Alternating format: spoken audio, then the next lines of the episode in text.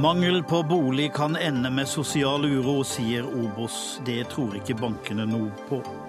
Laksefiskerne kaster sluken etter fiskeriministeren. De er blitt lurt, og oppdretterne har vunnet.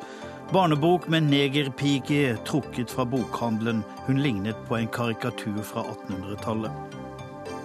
Kristelig Folkeparti kan glemme verdisakene sine om de vil i regjering med Venstre sier Unge Venstre. Kjør debatt. Og New York Times hiver seg over den norske veddebatten. Skal veden stables med barken opp eller ned?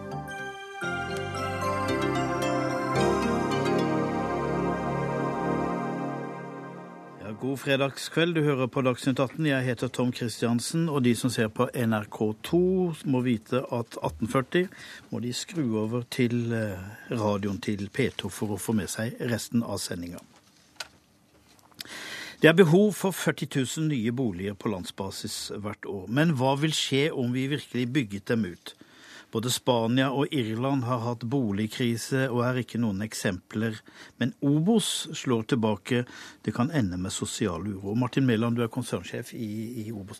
Hvordan ser den mulige sosiale uroen ut?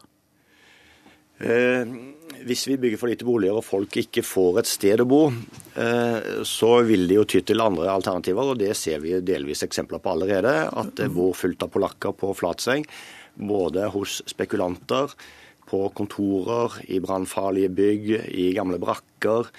Eh, rekorden vi har sett, er 18 somaliere på en toroms leilighet.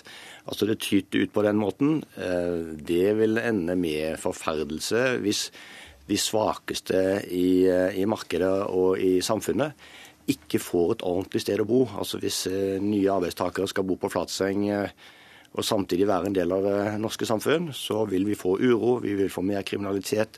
Det vil ikke gå bra. Vi har et veldig bra samfunn i Norge. Vi bor stort sett godt, de aller, aller fleste av oss.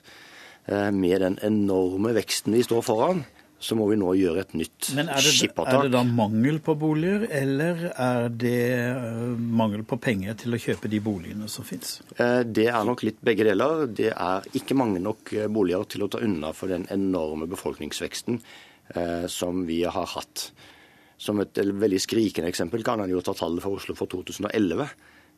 Da det ble ferdigstilt 1362 boliger i Oslo. Eh, og befolkningen økte med 14 000, altså én per ti. Steinar Juel, du er sjeføkonom i Nordea. Du har advart mot å bygge ut det det er behov for. Det jeg advarer mot, er at eh, man skal nå tro at man kan løse en, en veldig sterk etterspørsel etter boliger ved å kjøre i gang med liksom massiv utbygging at man holder boligbyggingen omtrent på nåværende nivå, syns jeg er greit. At man kan også gå litt, litt, mer opp. Men det vi har sett eksempler på i andre land, hvor kombinasjonen av sterk prisstigning på boliger, stor innvandring, boom i økonomien, og da har gitt da, sterk boligbygging, og så har det endt i katastrofe eh, et, etter noen år. Og det, den, på grunn av boligbyggingen? På, på grunn av kombinasjon av boligbygging og for sterk prisstigning på boliger. For du greier ikke å bygge deg ut av en, en sånn eh, sterk prisstigning på boliger. Eh, fordi problemstillingen er knyttet til eh, Årsaken til at vi har det sånn, er at det er sterk aktivitetsvekst i norsk økonomi. Det er boom i oljesektoren. Vi trenger mye arbeidskraft der. Fordi man har valgt å, å, å sette i gang mye aktiviteter der. Det er Kjøpekraften hos folk øker kraftig, og vi har veldig lave renter. Summen av det gjør at vi har en stor etterspørsel etter boliger. Jeg har en mistenkt for egeninteresse her. fordi at hvis, Så lenge det er mangel på boliger, så stiger prisene på boliger.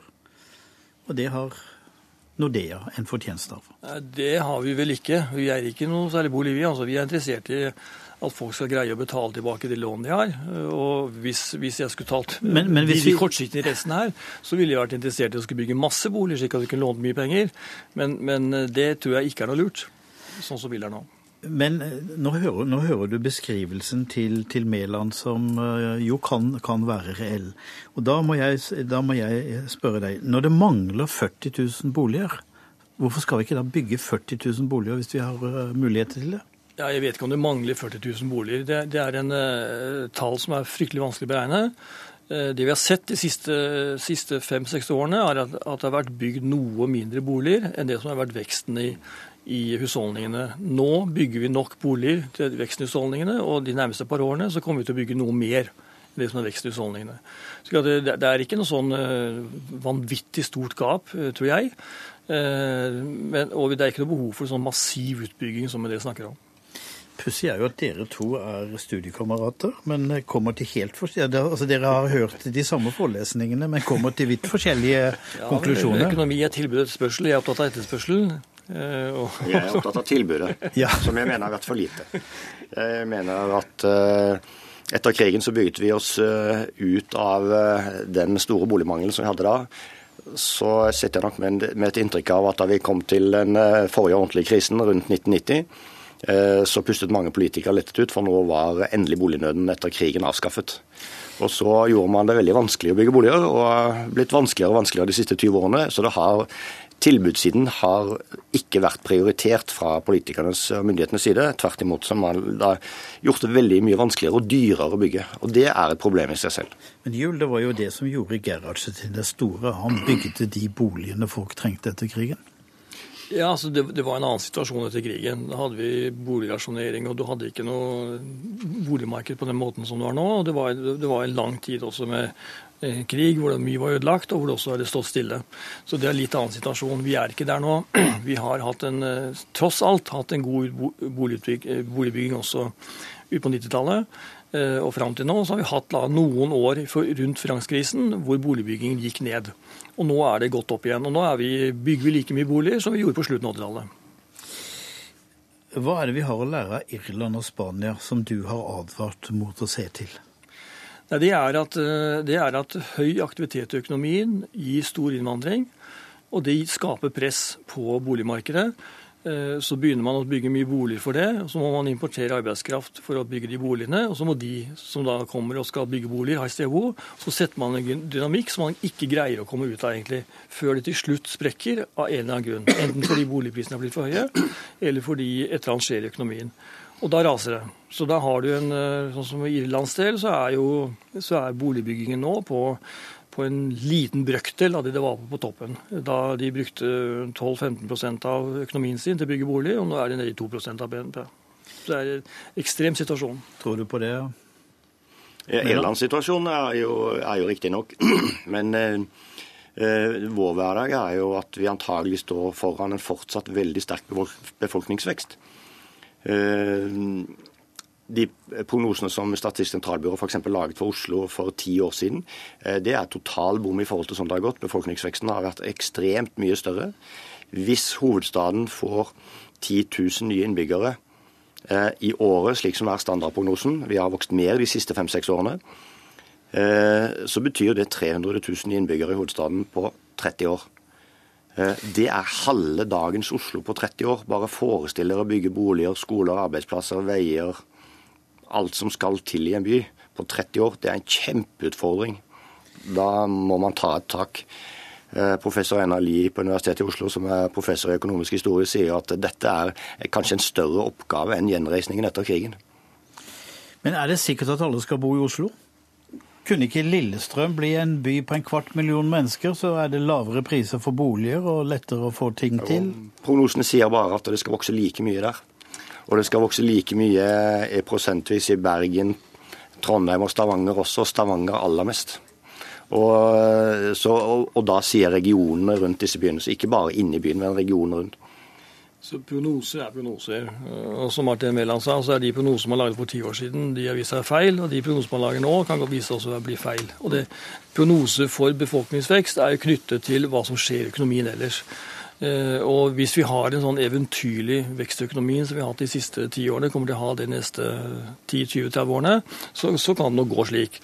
Men eh, hvis dette stopper opp litt, eh, som jeg tror er stor sannsynlighet for, så vil det ikke gå så sterkt. Og vi kan bestemme litt selv også for hvor stort trykk vi skal ha på økonomien. Da får jeg si takk til våre økonomer, Martin Mæland, konsernsjef i Obos, og Steinar Juel, sjeføkonom i Nordea. Hør Dagsnytt 18 når du vil, på nettradio eller som podkast. nrk.no – dagsnytt 18.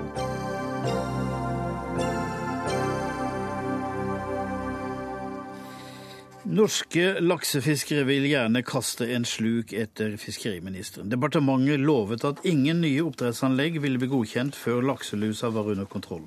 Nå kommer 45 nye konsesjoner. Havforskningsinstituttet sier at det samtidig er blitt mer lus. Og, Torfinn Evensen, du er generalsekretær i Foreningen norske lakseelver. Kan ikke 45 nye anlegg med frisk fisk egentlig bedre situasjonen, ikke for verden? Utfordringen er jo stor for villaksen allerede, med over 1000 eh, konsesjoner allerede i drift. Og klart, Villaksen det er jo vårt eh, naturlige arvesølv, og er jo en levende miljøindikator som sier nå må vi klare å ta vare på havområdene våre og elvemiljøet. Og nå er det 50% mindre villaks enn for 25 år siden. Så det er eh, alarmklokkene ringer for villaksen. Men du har kalt dette politisk eh, rotterace, og, og, det er fordi at du føler at dere har blitt lurt. Hva består det av? I 2010 så sa Lisbeth Berg-Hansen at eh, hun ville ikke ha noe mer vekst inntil at luseproblemet var under kontroll. Og siden den gang så har altså næringa vokst med 40 Altså nærmere ja, 360 000 tonn, og det er dramatisk. Og klart, Da blir det mer lus og mer rømming automatisk. Nå er ikke ministeren her, men det er du, Tord Dale, politisk rådgiver i Fiskeridepartementet. Har dere lurt sportsfiskerne og oss andre? Nei, vi har ikke lurt noen. Eh, og vi, dels, og vi, underslår jo heller på ingen måte at det er miljøutfordringer knytta til havbruksnæringa. Og så må vi finne løsninger på de utfordringene. Jo, Men dere lovte at dere ikke skulle utlyse flere konsesjoner før og, og, luseproblemet var løst? Jo, og vi har et betydelig luseproblem. Samtidig så vet vi at det finnes teknologi på trappene nå som kan bidra til å løse luseproblematikken. Men dere lov, har dere lovt at det ikke skulle komme Nei, vi har ikke lovt det. Vi har sagt at vi skal ha eh, bærekraftig vekst, men at vi også skal ta hensyn til miljøet. Og Derfor, eh, hvis jeg får lov til å svare på det, har vi lagt fram eh, 45 grønne konsesjoner. På den måten så tar vi et grep. Vi stimulerer til at oppdrettsnæringen kan ta i bruk teknologi som finnes, for å få bukt med nettopp luseproblematikken. Og Det har vi aldri forsøkt å underslå. Eh, og Da at vi tar i bruk den nye teknologien, får testa den ut i kommersiell basis, jeg tror at det er det grepet som på sikt vil være med på å løse problematikken, sånn at både villaks og oppdrett oppdrettsnæring kan leve hånd i hånd. For jeg oppfatter jo ikke at, eh, at norske, altså de som er opptatt av villaksen sine interesser, vil avskaffe oppdrettsnæringa. Har du lest feil, Evensen? Nei, vi har overhodet ikke lest feil. Og vi har god støtte i Riksrevisjonens rapport. Altså, de har godt igjennom havbruksforvaltninga og konkluderte så senest i mars i fjor med at den veksten som har vært i oppdrettsnæringa, ikke har vært miljøtilpassa og ikke i tråd med Stortingets forutsetninger for vekst. Så klart, eh, da er det jo liksom Det ringer noen klokker som burde gjøre at eh, man tenker seg grundig om før man setter vekst i fokus, og at man må ha løsningen på plass før man melder veksten inn. Hvordan kan Evensen ha fått dette inntrykket der at dere har lovet noe som du sier dere ikke har lovt, Dale? Nei, vi har sagt at det skal være bærekraftig vekst, og vi skal ta hensyn til miljøet. Og vi er, altså, vi er enige i at det er miljøutfordringer, men vi må også finne løsninger på de miljøutfordringene. Og Da grepet regjeringen har tatt med grønne konsesjoner, da kan bidra til det. Hva er grønne konsesjoner? Grønne konsesjoner, jo, da vil si at vi, eh, For å få en ny oppdrettskonsesjon, så må man kunne dokumentere at man tar i bruk ny teknologi. Teknologi som f.eks. bidrar til å få bukt med luseproblematikk, eller få bukt med rømminger, som er de to største miljøutfordringene oppdrettsnæringa har. Da stimulerer vi næringa til å ta i bruk nye løsninger, ny teknologi. Vi stimulerer til teknologiutvikling i Norge som kan kan bidra til økt verdiskaping. Dette kan vi eksportere til andre land. Oppdrett er stort på verdensbasis. Eh, og vi kan på en måte løse de konkrete miljøutfordringene vi har, og resten av næringa kan ta det i bruk. Så jeg tror at på sikt, når vi har gjort dette grepet nå, så vil vi se at luseproblematikken vil gå ned. Men så hvis jeg får lov, så er dette en litt rar debatt som vi har råd til å ha i et rikt land. Eh, for det, det er sånn at all matproduksjon etterlater et miljøavtrykk. Og, og Forbrukerne de går på Rimi i kveld og så kjøper de tacokjøttdeig, eller de f.eks. kjøper laks. Og Realiteten er at laks eh, bidrar til et mye mindre miljøavtrykk enn f.eks. kjøtt fra storfe. Eh, og, og, og, Hvis vi skal ha denne debatten om laksen eller er bære, og havbruk er bærekraftig eller ikke, så må vi også klare å løfte her, dette her litt større. For verden trenger mer mat, og havbruk er faktisk en ganske effektiv og god måte på å utnytte fôr og på å produsere eh, mat som folk trenger. Fordi at, altså, og her er litt sånn slite, eller vil jeg gjerne utfordre norske lakseelver litt til å ta del i denne debatten. fordi det er jo ikke sånn at de mener at vi skal leve på nøtter og bær heller. Dette er en avsporing av hovedproblemet. Altså, vi, vi, vil ikke redde de sultne barna i Afrika med villaks, nei, oppdrettslaks. Og, og, det er liksom å prøve å, å skifte tema. Utgangspunktet er hva ministeren har sagt og lovt. Og det er utgangspunktet hva Riksrevisjonen har meldt inn og at problemet med lusrømming ikke er løst. Men, det, det, er ikke en avsporing av tema, men, men når de bruker overskrifta at laksen ikke er bærekraftig, så må vi diskutere bærekraft i et større perspektiv. Og norske lakseelver kan ikke få lov til å definere eh, hvordan eh, ramme norsk matproduksjon skal debatteres innenfor.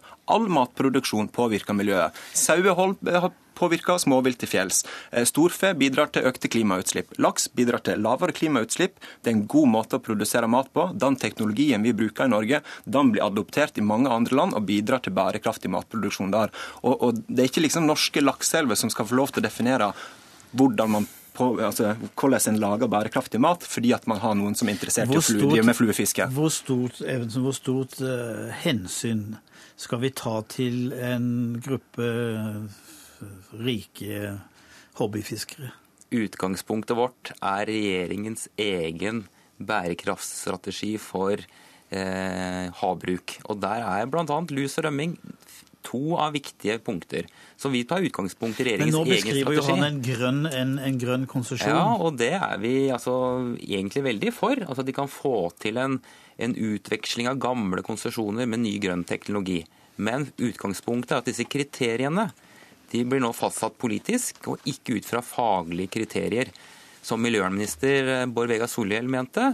Og det er det veldig store spørsmålstegnet nå framover. Er liksom, vil denne veksten ja, bli grønn, de... eller blir den kosmetisk? Ja, men blir den ikke grønn?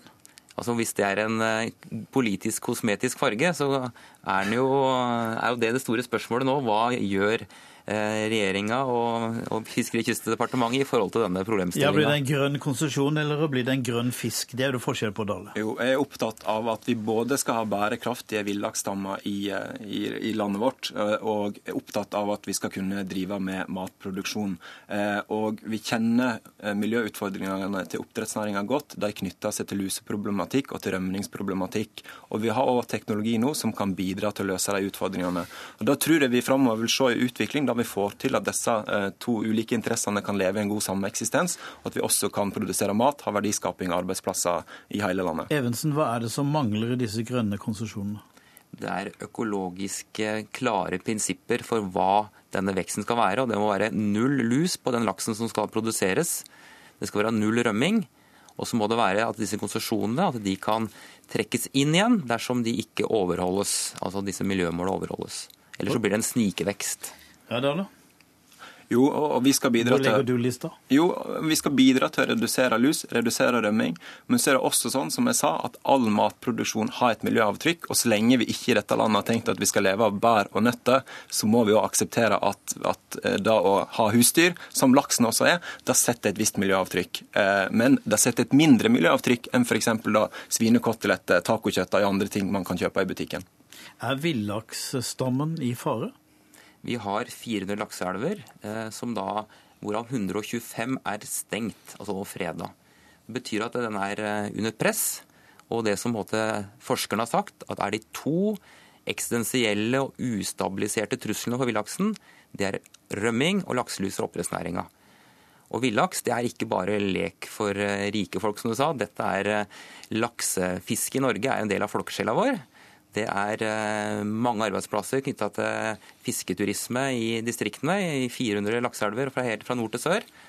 Og er, eh, bidrar til kanskje en 2500 årsverk rundt om i landet. Så dette er også en bærekraftig tjeneste opplevelsesproduksjon.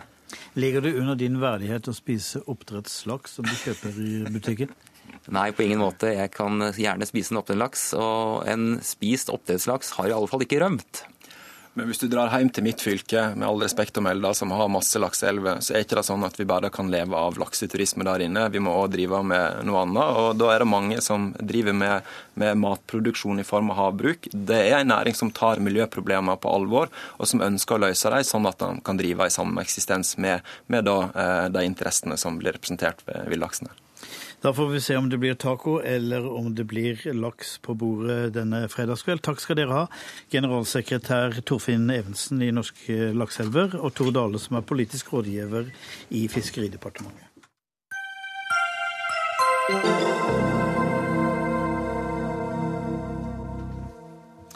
I en svensk barnebok som heter De babyfargerike, danser fire barn. En er gul, en annen blå, en rosa og en som er svart.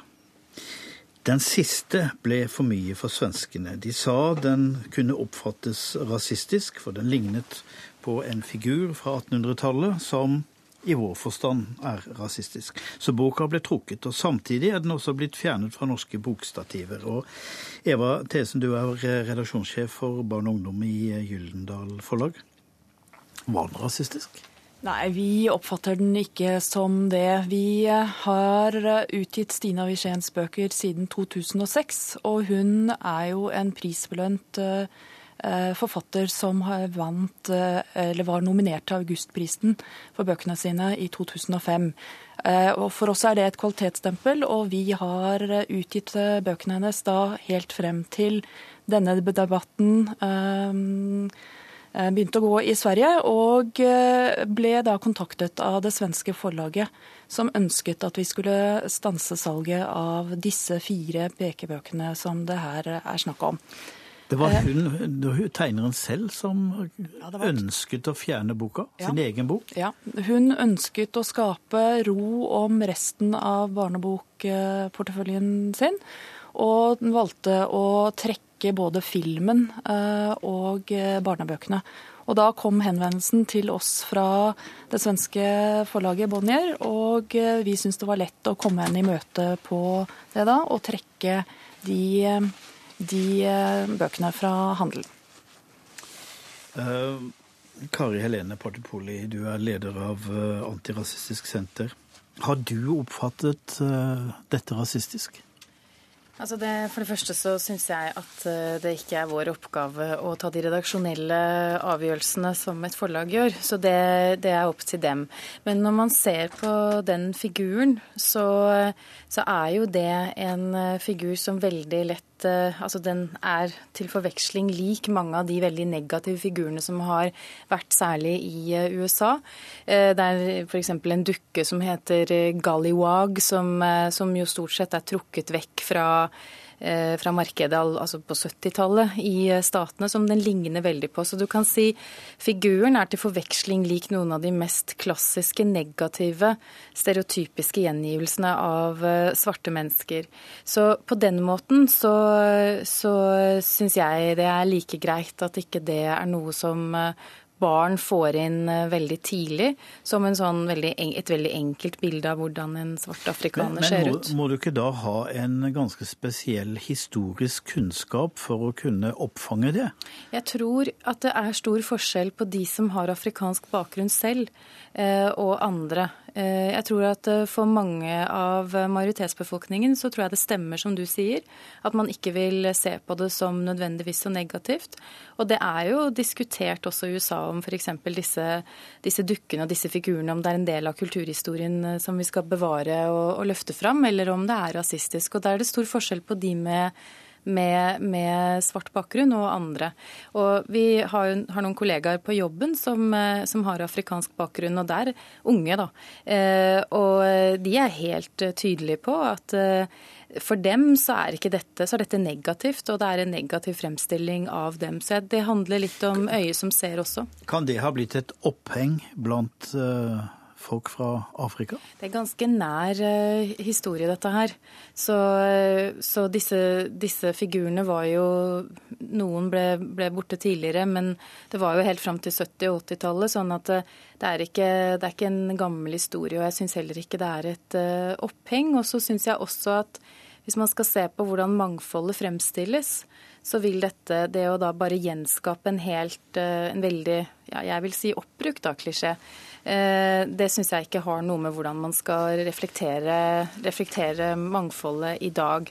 Men, så jeg, ville, jeg har sett på disse bildene. Jeg ville ikke kjøpt det til, til mitt barn f.eks. Og eh, et veldig sånn veldig kort, ikke representativt eh, undersøkelse på Antirasistisk senter blant de med afrikansk bakgrunn, så, og andre for så vidt, da, men det er litt høyere bevissthet der enn andre steder, sier jo at dette ikke er et mangfold de syns er positivt. Tesen er dere veldig på tuppa? Ja, vi, vi, tenker at uh, dette er å lese, lese denne figuren på en annen måte enn det det var intendert fra forfatteren. Jeg tenker at den forfatteren som hun kaller Lille hjerte, er fremstilt som en positiv, en idérik, en, en flott person. Og forfatteren ønsker og ivrer for mangfold og mange, i et mange flerkulturelt samfunn. Og i den forbindelse så tenker jeg at eh, jeg tror ikke engang barn, altså eh, leserne av disse bøkene, vil jo ikke beskrive Lille hjerte som svart i huden engang. Hun vil, eller de vil gjøre akkurat som eh, Ulf Stark, uh, en annen svensk forfatter, hever seg jo inn i denne debatten i Sverige, og han sa at uh, etter filmen så hadde han spurt en treåring. og den treåringen beskrev Lille hjerte som hun med den prikkete kjolen. Jeg tror jo at disse bøkene nærmest, nærmest oppfordrer til fargeblindhet. Og det er en helt annen side enn å lese med den kulturhistoriske brillen som gjør at eh, dette er et, eh, gir et feil inntrykk. Men jeg tror ikke bare det er de kulturhistoriske brillene. fordi at det er selvfølgelig et perspektiv på det. men jeg Eh, vet ikke om det gjøres i forlagene i Norge i dag, men det kunne jo være interessant f.eks. med en sånn bok, eh, hvis man tenker bevisst på eh, hvordan Norge ser ut i dag, da, hvordan ungdommen ser ut. At man bruker ungdom med forskjellig og med flerkulturell bakgrunn til å se på det og høre de, deres ståsted. Fordi da tror jeg at eh, man vil få et mye mer altså En ting er hva en, en eh, forfatter sier, hva intensjonen var. fordi det tror jeg på at intensjonen er ikke nødvendigvis ond eller at det er noe galt med den. Men det er altså ganske viktig at vi ikke fortsetter med disse helt sånn forenklede stereotypiene, at de bare gjenskapes og gjenskapes landskapet. Så når det gjelder eh, selve figurene, hvordan den ser ut Hvis man tar et bilde av denne Galiwag-dukken som kom på slutten av 1800-tallet i USA, og, eh, og man ser, eh, ser, denne figuren fra, fra, forfatteren, så er de til forveksling like. De har på en måte veldig mye av den samme symbolikken. Kan dere, kan dere være snille og ta på øretelefonene, for vi har med en som er på fjellet, og det er deg, Gabi Gleichmann, forfatter, med bakgrunn fra Sverige. Um, og der har jo denne debatten gått lenge. Hva er det egentlig den handler om? Ja, jag kan inte riktigt säga vad den handlar om, men, men, men Stina Wirsén har ju flera år verkat som en mycket framstående och enormt duktig skapare av barnkonst och barnlitteratur. Och så efter att ha gett ut flera böcker med samma tematik så kommer en professor, Johanna Rubin Ranger, upptäcka att här finns det rasism och det är ingen som har sett detta tidigare. Och där finns det en liten risk med att på något sätt den goda smakens självutnämnda representanter med sina akademiska tolkningar upptäcker någonting. Och efter häftiga debatter i medierna så drar ju både förlag och författare tillbaka sina produkter. Och det är inte säkert att det har spritt så mycket, mycket dåliga saker egentligen hos barn som det påstås. Jag vet inte, jag är inte expert vare sig på det ena och det andra. Jag är bara lite orolig när det uppstår sådana här diskussioner, vilket har varit flera stycken av i Sverige. Inte bara kring den här boken och de här figurerna. Nej, det var också Tintin, Tintin skulle ut av biblioteken? Ja, Tintin skulle ut ur biblioteket till Astrid Lindgren stå Pippi Långstrump där pappan är i Söderhavet och möter negrer. Vilket var ett sätt att uttrycka sig de svarta för 50 år sedan i Sverige. Eller, eller om färgade människor. Men alltså, jag tror bara att det finns en liten våg av där man försöker i olika former av goda smaken eller, eller rasism eller på något sätt sätta gränser för vissa konstnärliga uttryck. Och jag tror att ibland så är det mer den som kritiserar som ser ting än att det verkligen uppstod skador. Och det gör mig lite orolig och det är den tendensen som har varit i Sverige på sistone. Det senaste inslaget är att drottningen vill då stoppa, eller alltså, det har kommit en bild där drottningfamiljen framställs eller kungafamiljen framställs på ett kanske alltför osmakligt och negativt sätt.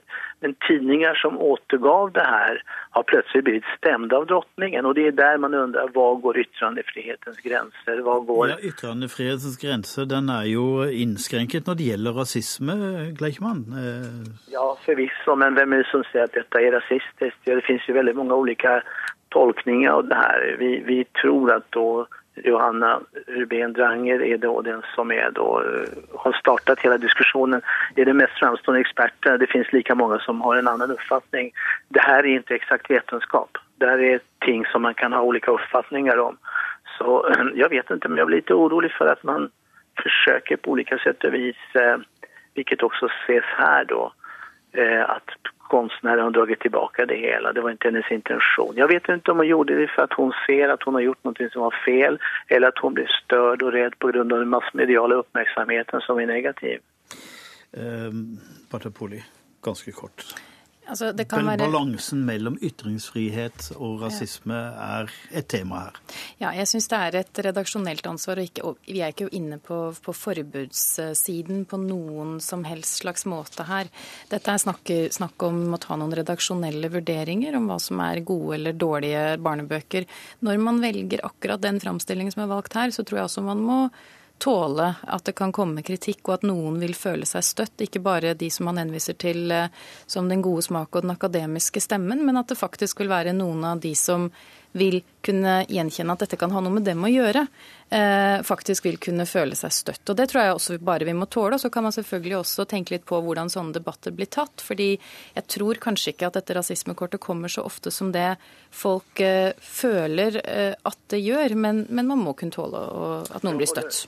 Jag håller helt med om vad du säger och jag tror också att detta, det mediala uppmärksamheten kan skapa mer skada än det verkligen bidrar till forståelse. Da sier jeg takk til deg, Gabi Gleikmann, forfatter, Kari Helene Partipolo i Antirasistisk Senter og Eva Thesen fra Gyldendal. Og den som vil se boka, kommer for sent, for den er borte fra bokhandelen. Men det er en sjanse for den som har Klassekampen. Der står det bilde av den i dag.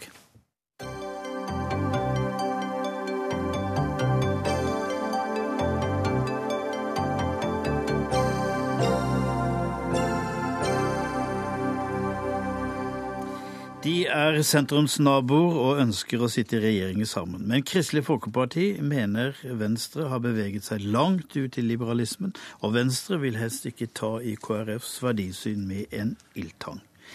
Kjell Ingolf Ropstad, du er stortingsrepresentant for Kristelig Folkeparti.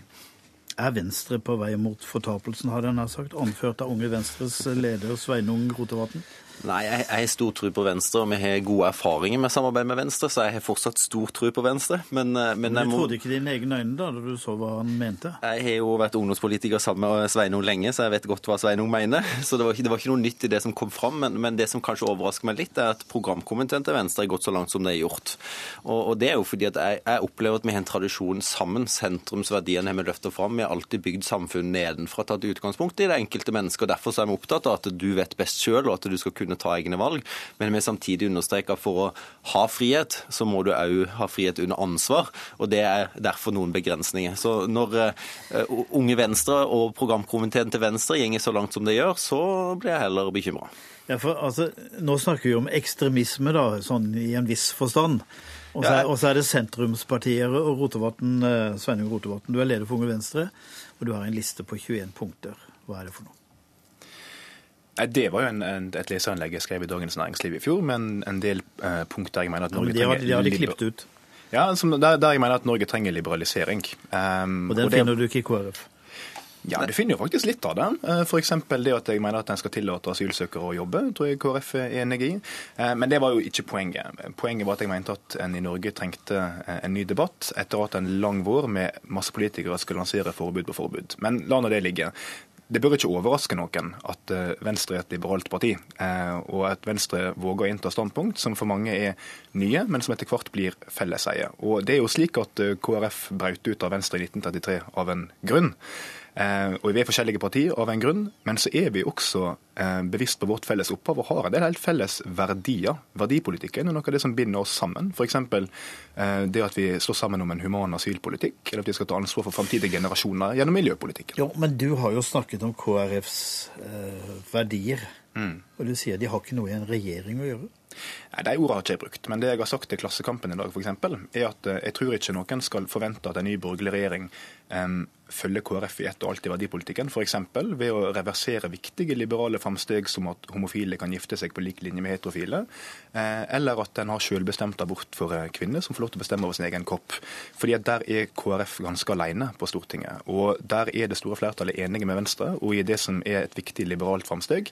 Og det ser ikke jeg for meg at kommer til å bli reversert i en ny regjering, snarere tvert imot. Så kommer Venstre til å jobbe for at vi får et mer liberalt Norge, ikke et mindre liberalt Norge. Jo, men altså, du har, du har jo sett at statsrådet fra Kristelig Folkeparti har jo administrert abortloven som de er imot.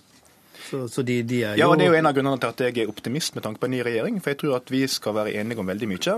Og så vil vi nok eh, være uenige om en del spørsmål, bl.a. det Venstre lanserer i sine stortingsprogram, som er liberaliseringa av Norge. Men så er det opp til velgerne da å gi oss styrke. For det er jo et forskjell på en regjering med et sterkt Venstre og et sterkere KrF. Hva er det, hva, hva, hva er det Ropstad må, må bite i seg? Eller Kristelig Folkeparti biter Jeg har jo nevnt et par punkter allerede, og det jeg mener er viktige liberale framsteg. Um, og så håper jeg at vi f.eks. kan være enige om at vi skal gi mer eh, lokal selvråderett til kommunene når det gjelder synet på åpningstid og skjenketider, som er et av de punktene som vi ser KrF har reagert på i Venstres program. Så det håper jeg jo at vi kan bli enige om. Men, men det er klart at uh, her kan vi sitte og snakke om de tingene vi er enige om, for det er veldig mye uh, Venstre og KrF er enige om, og jeg er helt sikker på kommer til å bli enige om når vi kommer i regjering for høsten av. Men, men, det som opprører meg, og som jeg er bekymra for i den retningen Sveinung ønsker å dra av Venstre, det er jo som du antyder denne lista. og jeg kan jo Altså, aktiv dødshjelp, vin i butikk, vin i park, fri cannabis, eh, tillate surrogati, skjenking døgnet rundt, kjøp av seksuelle tjenester, søndagsåpne butikker. Altså med 21 punkter som, som er mange ting som Dette er altså, sånn Sodom og ja, er det det? Nei, altså det, det gjenger langt vekk fra KrF, men det gjenger langt vekk fra det, nesten alle politiske partier. Og derfor så plasserer jo da Eller han drev Venstre i en retning som, som du, vil dra det langt vekk fra. Ja, men dette er jo ikke det jeg tror Venstre sitt landsmøte kommer til å gå inn for. Og jeg har god tradisjon med Trine Skei Grande og Deinar Dørum og Lars Bonheim og andre venstrepolitikere som har vært statsråder sammen med KrF, og som har fronta en helt annen politikk enn dette. Og det som er jo andre sånn, mer sånn styrende breie saker, ta, ta landbruket f.eks., eller arbeidslivspolitikken, der Venstre har dratt kanskje lenger til høyre enn Høyre. Så det er, det er Rotevatn det ikke er plass til? Rotevatn er en glimrende politiker, men, men, jeg er grunnleggende uenig i hans syn på frihet. fordi at som jeg innleda med, det er frihet under ansvar. og Det er gode sosialliberale verdier som Venstre pleide å løfte fram. Og jeg mener at de, de trekker i en slags absurd frihetsideal som drar det vel langt. Um, Hvorvidt det er plass til meg i norsk politikk eller ikke, er det nok ikke KrF som avgjør. Det avgjør velgerne i Sogn og Fjordane da jeg stiller til valg til høsten. Men det er klart, den lista som vi har diskutert litt nå, det er jo Unge Venstre sin politikk. Eh, det som er tema for diskusjonen her, er jo Venstres stortingsprogram. Eh, og Der er det riktig at du finner igjen noe av det som har vært viktige saker for Unge Venstre. Men det er jo ikke slik at dette er veldig nytt. F.eks. det at Venstre var mot sexkjøpsloven da den kom, sammen med Høyre og Fremskrittspartiet, er ikke noe vi har tenkt å gå tilbake på. Fordi vi mener at den typen moralsk lovgivning eh, ikke har fungert. At det har drevet de jentene og guttene som er i prostitusjon, ned i mørke kjellerlokaler og blitt avhengig av kriminelle halliker osv. Dette her er jo ikke eh, en sånn teoretisk øvelse. Dette er virkelig politikk for virkelige mennesker, der vi inntar det jeg mener er en trygg sentrumsposisjon, der vi setter mennesket først. Men det er klart, det er ingen, det er ingen nyhet at vi og KrF har et litt ulikt syn på hva frihet Nei, er. Men, det er jo men, derfor vi er forskjellige partier. De eksemplene du ikke ville komme med, men som, som Ropstad kommer med, det er jo eh, ikke noe du jo. finner i, i norsk Men politikk? Jeg, jeg, kan ta, jeg, kan ta, eksempel for eksempel. Eh, og Jeg har nevnt bl.a. ett av dem som det er stor enighet om norsk politikk, faktisk, iallfall på borgerlig side, med unntak av KrF. Men f.eks. ta surrogati, da, som jeg vet at mange i KrF er opptatt av. Det er jo et vanskelig spørsmål som Venstre ikke har konkludert med. Men der flertallet i programkomiteen har sagt at vi ønsker å regulere det her på en ordentlig måte i Norge, ikke la det foregå bort i India. Men der vil det jo være en debatt på Venstres landsmøte, og det er de som har det siste ordet. Men det jeg registrerer nå, etter alle fylkesårsmøter som har vært i Venstre, er at det er brei enighet i Norges liberale parti om hovedretninga, og om det aller meste av politikken som vi har stått for i mange år. Så det er litt nytt. Slik skal det være i et progressivt liberalt parti, men det er også det gode, gamle Venstre som stiller til valg til høsten. Men, men det viktige er jo de, de verdidebattene som en vet kommer, og, og denne våren kommer regjeringa til å legge fram en bioteknologistrategi som handler om tidlig ultralyd, f.eks., eller debatter rundt aktiv dødshjelp, surrogati, som blir nevnt. Eh, og i de type spørsmålene som jeg vet kommer, er heldigvis Høyre enig med KrF. Så i en ny regjering så er Venstre nødt til å slåss òg med, med, Høyre i, i de type viktige verdisaker som kommer til å komme. og Derfor er jeg jo trygg på at en skal klare Men å komme fram til gode sprit? Ja, Der er de heldigvis òg enige. Altså, Ruspolitikk er et kjempeviktig sak for, for KrF. altså Menneskeverdet, det at en skal kjempe for rusmisbrukerne. og Jeg tror ikke legalisering av narkotika er veien å gå. Jeg tror heller at du må stramme inn og gi deg hjelp. Vi kommer dessverre ikke lenger nå, men det, det kan iallfall komme til å bli en veldig artig valgkamp i Sogn og Fjordane, ikke minst. Hvor du, Sveinung Rotevatn, stiller til valg. Og også takk også til deg, Kjell Ingolf Ropstad.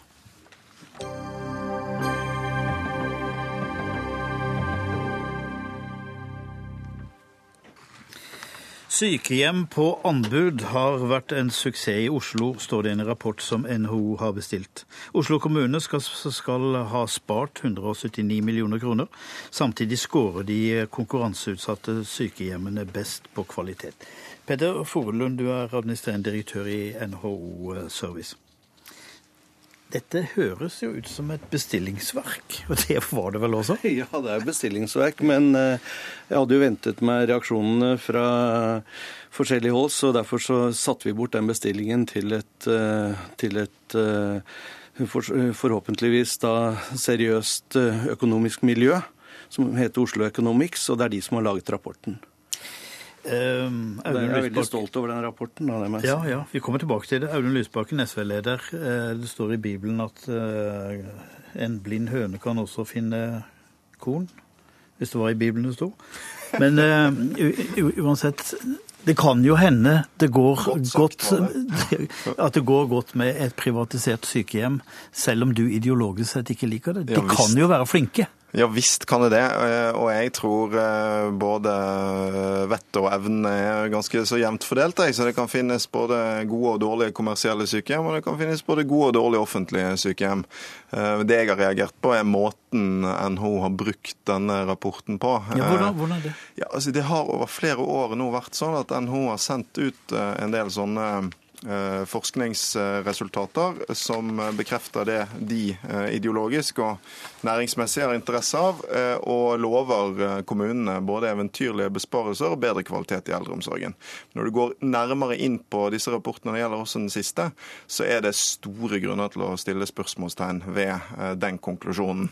Det er, på hvilken måte? Ja, for det første ganske enkelt fordi NHO Service sin egen rapport viser helt marginale forskjeller i kvalitet mellom ideelle, kommersielle og eh, offentlige aktører på en måte som gjør at det, det ikke kan eh, brukes som noe uttrykk for å skille dem på kvalitet. Men hvis det har kosta 180 millioner mindre, så er det vel noe å merke seg? Men, og, og På det punktet tror jeg Furulund, fordi det er jo ingen tvil om at kommersielle i utgangspunktet kan drive billigere, men spørsmålet er jo hvordan gjør de det? Og de gjør og det, det like godt, sier du? Det vi ser, er jo at de gjør det gjennom uh, å ha andre betingelser til de ansatte. Eh, når eh, dette skandalesykehjemmet i Oslo, som tidligere var drevet av Adecco, Ammerudlunden, nylig ble eh, konkurranseutsatt på nytt, så lå de altså Unicare, selskapet som nå tar over, 4,5 millioner under. Og Måten de er billigere på, er å kutte i pensjonsbetingelsene til de ansatte. Og Så er spørsmålet gir det bedre kvalitet over tid. I høst var det en stor streik i de kommersielle sykehjemmene fordi ansatte klager på arbeidsforholdene og betingelsene. Og Jeg tror ikke det er veien til en bedre eldreomsorg. Og over tid så tror jeg at det vil gi dårligere kvalitet heller enn bedre. For vi trenger å satse på de menneskene som skal løfte fram eldreomsorgen i Norge. Men det er, dette er jo ikke sant. Og, og for, for, det første Hva er det som ikke er sant? Eh, at vi betaler dårligere. Her har jeg en, eh, en, en rapport fra, fra SSB du tror ikke på vår rapport, men du tror kanskje på den. og Der vil du se at eh, vi lønner høyere enn det offentlige når det gjelder både sykepleiere og når det gjelder hjelpepleiere, og likt når det gjelder ufaglærte. Når det gjelder pensjon, så har man en sånn forestilling om at den er så mye bedre i det offentlige, og det er den for høytlønte. Men for den type arbeidstakere som vi eh, organiserer, kan du få med deg tre personer her, tre eksempler, så vil du se at alle kommer bedre ut pensjonsmessig i det private enn det man gjør i det offentlige. Så det er en sånn eh, forestilling om at, eh, at det vi gjør bra, det gjør vi fordi at vi undertrykker folk og får de til å jobbe hardere og lønner de dårligere og dårligere pensjon. Og det er ikke sant, fordi at det er konkurranse om oppdragene, og det er like mye konkurranse om arbeidskraften. Så denne, denne rapporten for Oslo kommune burde man virkelig Tjener se på. Tjener de like mye? Har de like gode pensjonsbetingelser som i de offentlige? Ja, når det gjelder eh, folk som, som er i denne type lønnskategori. Jeg har sett disse figurene før, og det er veldig mange forutsetninger for at det skal komme ut sånn. Det som gjør mye mer inntrykk på meg enn et papireksempel, er jo de ekte hjelpepleierne og helsefagarbeiderne som jeg kunne møte under omsorgsstreiken i høst, eh, og som fortalte en helt annen historie enn den Petter Ja, men nå har jeg ordet, så hvis jeg får lov til ja, å fullføre. Jo, syns du, men det er jo fordi vi er uenige her. Eh, de forteller en helt annen historie, og det er jo litt rart hvis eh, det er arbeidsgiveren her som skal definere hva det er som er akseptable arbeidsforhold. Eh, de ansatte sjøl streiket altså fordi de mener betingelsene er dårligere. og det er sånn at 80% av utgiftene knyttet til sykehjemsdrift er personalkostnader. Du kan ikke trylle fram sånne fantastiske beløp som NHO eh, opererer med. Føler, hvor, føler, hvorfor, hvorfor, går, hvorfor, går, de til streik når de har det så godt? Jo, fordi at de har et forbund som hadde det som et prinsipp å få dette inn i tariffavtalen. Altså Det er ikke snakk om hva arbeidstakerne får i bedriften, men de ville ha det inn i tariffavtalen. Og det er prinsipp som de visste at NHO ikke kunne gå med på. Så det betyr ikke at vi har dårligere pensjon. Og, og da må man bare gå inn og se på, på fakta her. Men, eh, men, det er vel helt andre grunner til at, eh, at man ikke vil ha private aktører eh, på, i partiet til Lysbakken. Jeg blir, jeg blir, litt sånn mistenksom når den private aktøren sier at her har vi bedre lønninger og bedre pensjoner, mm. og du som har et annet ideologisk sted, sier at nei, det er tvert imot hos mine, våre, er, er det best. Altså, det høres litt sånn uh... Jeg velger å stole på de som også gikk til streik for bedre betingelser, som sier at uh, det er sånn. Uh, og det er dessuten enkelt å se. I disse anbudsrundene så er det jo spesifisert også hvor man er billigere, og de er først og fremst billigere på lavere pensjonskostnader. Og Hvis det er sånn at man sparer penger på pensjon, så betyr det som regel at det er noen andre, da de ansatte, som får dårligere betingelser i andre enden i tillegg. Og Det er også en viktig diskusjon her, så er det jo noen andre som er tapere i uh, dette anbudsregimet. For nå bruker Furulund betegnelsen private hele tiden. Det er en tilsnikelse, for det finnes ulike typer private aktører. Du har de private ideelle, Frelsesarmeen osv., som jeg er veldig for at skal være i omsorgen, men som har like pensjonsbetingelser som det offentlige, og som ofte blir taperen opp mot kommersielle aktører med store eh, ressurser. Og Det er en annen grunn til at vi ikke ønsker eh, kommersialisering i eldreomsorg. Men, men, eh, Stortinget har med bredt flertall vedtatt en, en, ny pensjonsreform som skal gjøre at det er bærekraft i fremtiden. Den offentlige sektor har nektet å etterkomme dette. Og, og da er det jo merkelig at vi som har etterkommet Stortingets uh, intensjoner, uh, er de som uh, tilsynelatende da er, er, skurker i dette her. Mens de som skjermer sin egen virksomhet og skjermer seg mot konkurranse fordi de sitter på goder som andre ikke har, de, de er liksom, de er ofrene i dette her sånn. Men, men det, nå har jeg jobbet med servicebransjen i 25 år, og det jeg vet er at når du har med mennesker å gjøre, så gjør ting som turnover, dette med sykefravær, dette med hvor mye du gir folk anledning til å påvirkning på egen arbeidstid og sånn, det er det som gjør de store utslagene, og det er det som skiller privat og offentlig. Så, så de private er rett og slett bedre på drift. Og en annen ting som dette har medført i Oslo, er at man begynte også å spørre brukerne om de var fornøyd. I dag så er det altså 50 av kommunene i Norge som ikke spør brukeren helt tatt om de er fornøyd med tjenestene. Og ifølge Forbrukerrådet så er det en tredjedel av kommunene som i hele tatt bryr seg med å måle noe som helst Men, på kvalitet. Furulund, når dere, vi bringer fram mer bevissthet. Når dere dunker ut sosiale helter som Frelsesarmeen og Kirkens Bymisjon, gjør du det med en god smak? Ja, vi dunker de ikke ut uh, hvis de ikke, hvis, ja, vi bare dunker de ut hvis de ikke er konkurransedyktige. Så, så, det er jo Er det sånn at man har eh, eldreomsorg for å eh, sysselsette Frelsesarmeen f.eks.? Man har jo ikke det. Man har det fordi Frelsesarmeen er dyktige. Man, ja, det er, jo det, nettopp, det er jo det, de er. Og det er det som er problemet. ja, vi er like dyktige man, og billigere. Men her konkurrerer man ikke uh, på hvem som er dyktigst nødvendigvis, men på hvem som er billigst. Og da er det sånn at de ideelle, som Frelsesarmeen og andre, har forpliktet seg til å ha samme pensjonsbetingelser som i det offentlige. Og Det er altså ikke sånn at NHO har noe grunnlag for å hevde at det er bedre kvalitet hos de kommersielle. NHOs egen undersøkelse viser at forskjellene i denne lille undersøkelsen er marginale. Det landet som har mye større erfaring enn oss med kommersialisering, nemlig Sverige, der hadde næringslivets egen forskningsstiftelse et forsøk på å kartlegge dette. Svær undersøkelse kom ut med at det var ikke noen sporbar effekt av kommersialisering når det gjelder kvalitet. Men det det derimot betyr, er dårligere betingelser for ansatte. Det betyr at penger vi bevilger til eldreomsorg, går ut i utbytte i kommersielle selskap. og det betyr vanskeligere vilkår for de, for de ideelle. Alt er jeg imot, og derfor sier vi nei til konkurranse. Der må jeg dessverre sette strek. Audun Lysbakken, partileder i SV, og Petter Furulund, administrerende direktør i NHO Service. Vi skal over til noe mye, mye mindre viktig.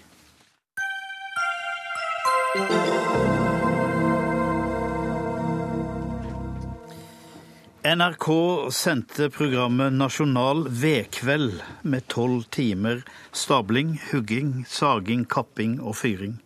Siden har verden ringt oss ned. New York Times slo det stort opp på nett, og ingen flere saker på nettet ble delt av flere enn veden fra Norge. Det amerikanske underholdningsprogrammet The Colbert Show lot ikke anledningen gå fra seg heller. I've got my eye on a wildly popular program from Norway called National Firewood Night, which consisted of mostly people in parkas chatting and chopping in the woods, and then eight hours of a fire burning in a fireplace. It destroyed the other top Norwegian shows like So You Think You Can Watch Paint Dry and The Amazing Glacier Race. Ja, sånn ser vi ut utenfra. Og um, i etterkant av denne nasjonale vedkvelden har veddebatten da splittet Norge i to, som vi hørte under programmet, og siden lest i avisene. Hvordan skal ved stables av Petter Christian Nissen Lie? Du er advokat, men ingen tømmerhugger. Skal man stable veden med barken opp eller ned? Eh, jeg foretrekker å stable med barken ned.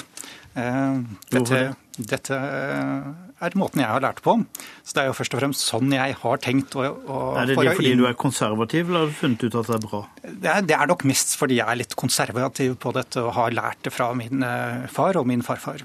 Eh, men jeg må si at jeg har ikke tenkt så veldig mye om hvorfor jeg gjør det, før jeg fikk dette spørsmålet fra New York Times for, ja, tidlig denne uken. Og eh, dette Så de har, min... de har, ringt deg fra New York Times? Ja, de ringte meg fra New York Times og spurte meg om, om dette spørsmålet. Og dette forklarte du da på levende engelsk? Og de eh, På levende engelsk. Lo de i telefonen, eller åssen var det? Nei, hun var da veldig sympatisk, eh, Sara. Så eh, dette tok hun godt. Men eh, dette handler jo ikke bare om barken opp eller ned. Dette er eh, mye som skal gjøres med en vedstabel for at den skal bli ordentlig bra. Ja, Er vi heldige, så får vi med denne Sara fra New York Times seinere. Um, Eivind Sandberg, du er sivilingeniør fra Hamar. Opp eller ned? Skal den stables opp eller ned? Den skal stables med barken opp, slik jeg har følt det i hvert fall. Hvorfor det? Ja, Det er noe skal vi si, noe helt eh, fundamentalt naturlig for meg med barken opp. Barken den er treets og vedens beskyttelse. Den ligger ytterst, den ligger øverst. Barken opp, så tror jeg det vil gi best tørk. Men det er som min meddebattant sier, det er et spørsmål med mange fasetter. Nå sier jo han at eh, advokaten at han er en konservativ mann, har gjort dette bestandig. Og Du er sivilingeniør, jeg vet ikke hvilket fag, så du har muligens større faglig tyngde i dette? Det kan hende. Jeg har også fyrt med ved. Ikke bestandig, men jeg har nå fyrt med ved i 40 år. Jeg har vel ikke gjort meg de store refleksjoner akkurat om opp eller ned med barken. Jeg tror det er mange andre faktorer som også spiller en stor rolle, men det er jo et litt, eh, litt interessant spørsmål. Er det slik at naboene dine vil reagere om du stablet slik som eh, advokat Nissen Lie gjør? Det kan nok hende at en av dem ville komme og undres litt. Hva er det du driver med nå, Eilif? Det er noen som stabler det med veden stående. Er det kompromisset i dette landet, siden det nå er splittet i to? Jeg syns ikke det er noe kompromiss. Vi skal huske på det at hvis du stabler den stående, så har vannet lett for å trekke seg inn i lengderetningen. Da må du i hvert fall ha noe god overdekking over den. Simen eh, Gjølsjø, senior eh, rådgiver ved Norsk institutt for skog og landskap. Eh, du får være dommeren her. Hvem er det som har rett? Nei, Det er ikke så lett å være, være dommer, akkurat. da, Men jeg har jo kikka litt i noe litteratur. og det er noen gamle undersøkelser da, fra, fra Sverige bl.a. Eh, fra 1909. En Gilman der sånn, som gjorde undersøkelser på dette med stabling av ved med barken opp eller ned. Og eh, Det gjorde han i to år. Den første året så regna det veldig mye. Og det andre året så regna det veldig lite. Men eh, han klarte i hvert fall ikke å finne noen sånne betydelige forskjeller der sånn da, på det studiet der i 1909. 1909. Men eh, det er den forskningen som har vært på, på dette. Men er, det, er, dette en velkjent debatt for deg? Nei, det er ikke det. Det Er ikke det? Nei, det er... er det noe NRK har funnet på?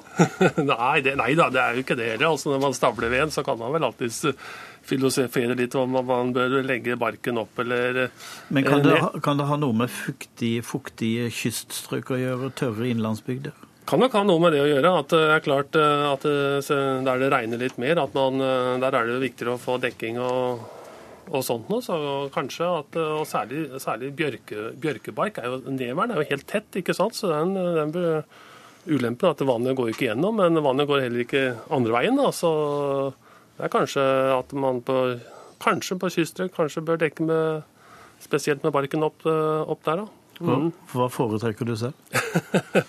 Nei, altså, Jeg foretrekker vel litt at uh, ha barken litt ned, kanskje nederst da, i stabelen. Hvis, uh, det er ikke så mye jeg stabler med, og det er øverst, det, det kan være fordel å ha barken opp der, da, for å beskytte litt. Det er mange som kjøper det på bensinstasjonen etter hvert, da. ja, det går an, det òg. Det, det er jo nettopp et poeng. Eh, for topplaget, hvis man tar barken på toppen, og snur da kubbene på toppen, så får man den beskyttelsen mot eventuell fuktighet som kommer. Det pleier jeg å gjøre hvis man ikke har nok dekke over vedstabelen. Så, så pleier jeg å snu de øverste kubbene, nettopp for å få den beskyttelsen på toppen. New York Times altså slo opp denne vedhistorien fra NRK. Og maratonprogrammet om bål og ved har engasjert i USA. og New York Times har jo ringt til dere. Og Sarah Lyle, du er, you are a journalist in uh, the New York Times. Thank you for joining Dagsnytt 18. Why, why, why did this story on the, uh, the program National Firewood Night interest you in the first place? Well, I'm a, a London correspondent, and I was just looking through kind of stuff on the wires last weekend, and I saw the little notice that the program was going out, and I actually thought it would be really interesting just to do a story on the phenomenon of why people would watch what seemed like a kind of boring program.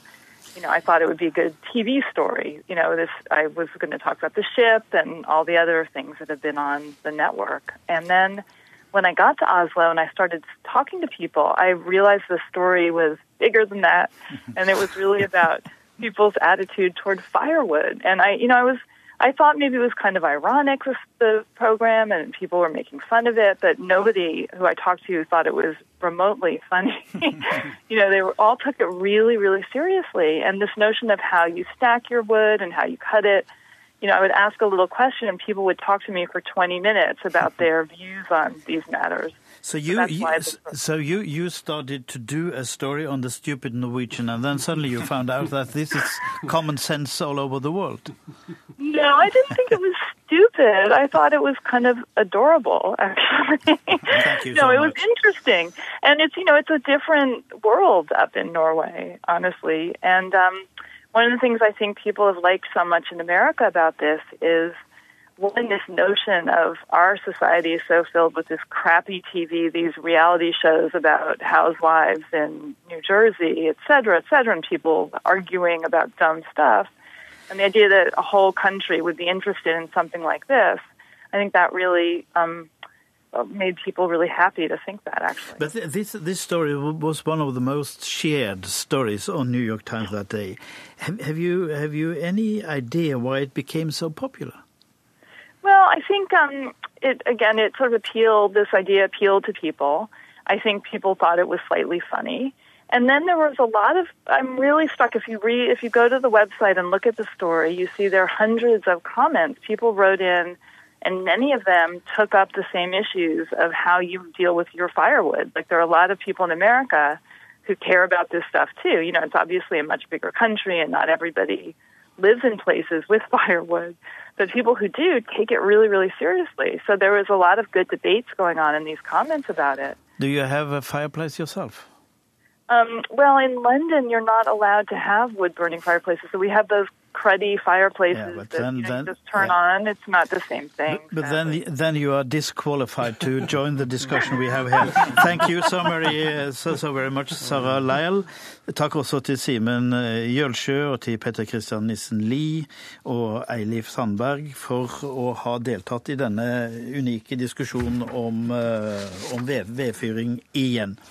Dermed setter vi strek i Dagsnytt 18. Ansvarlig for sendinga Dag Dørum, teknisk ansvarlig Lisbeth Sellereite. Jeg heter Tom Kristiansen.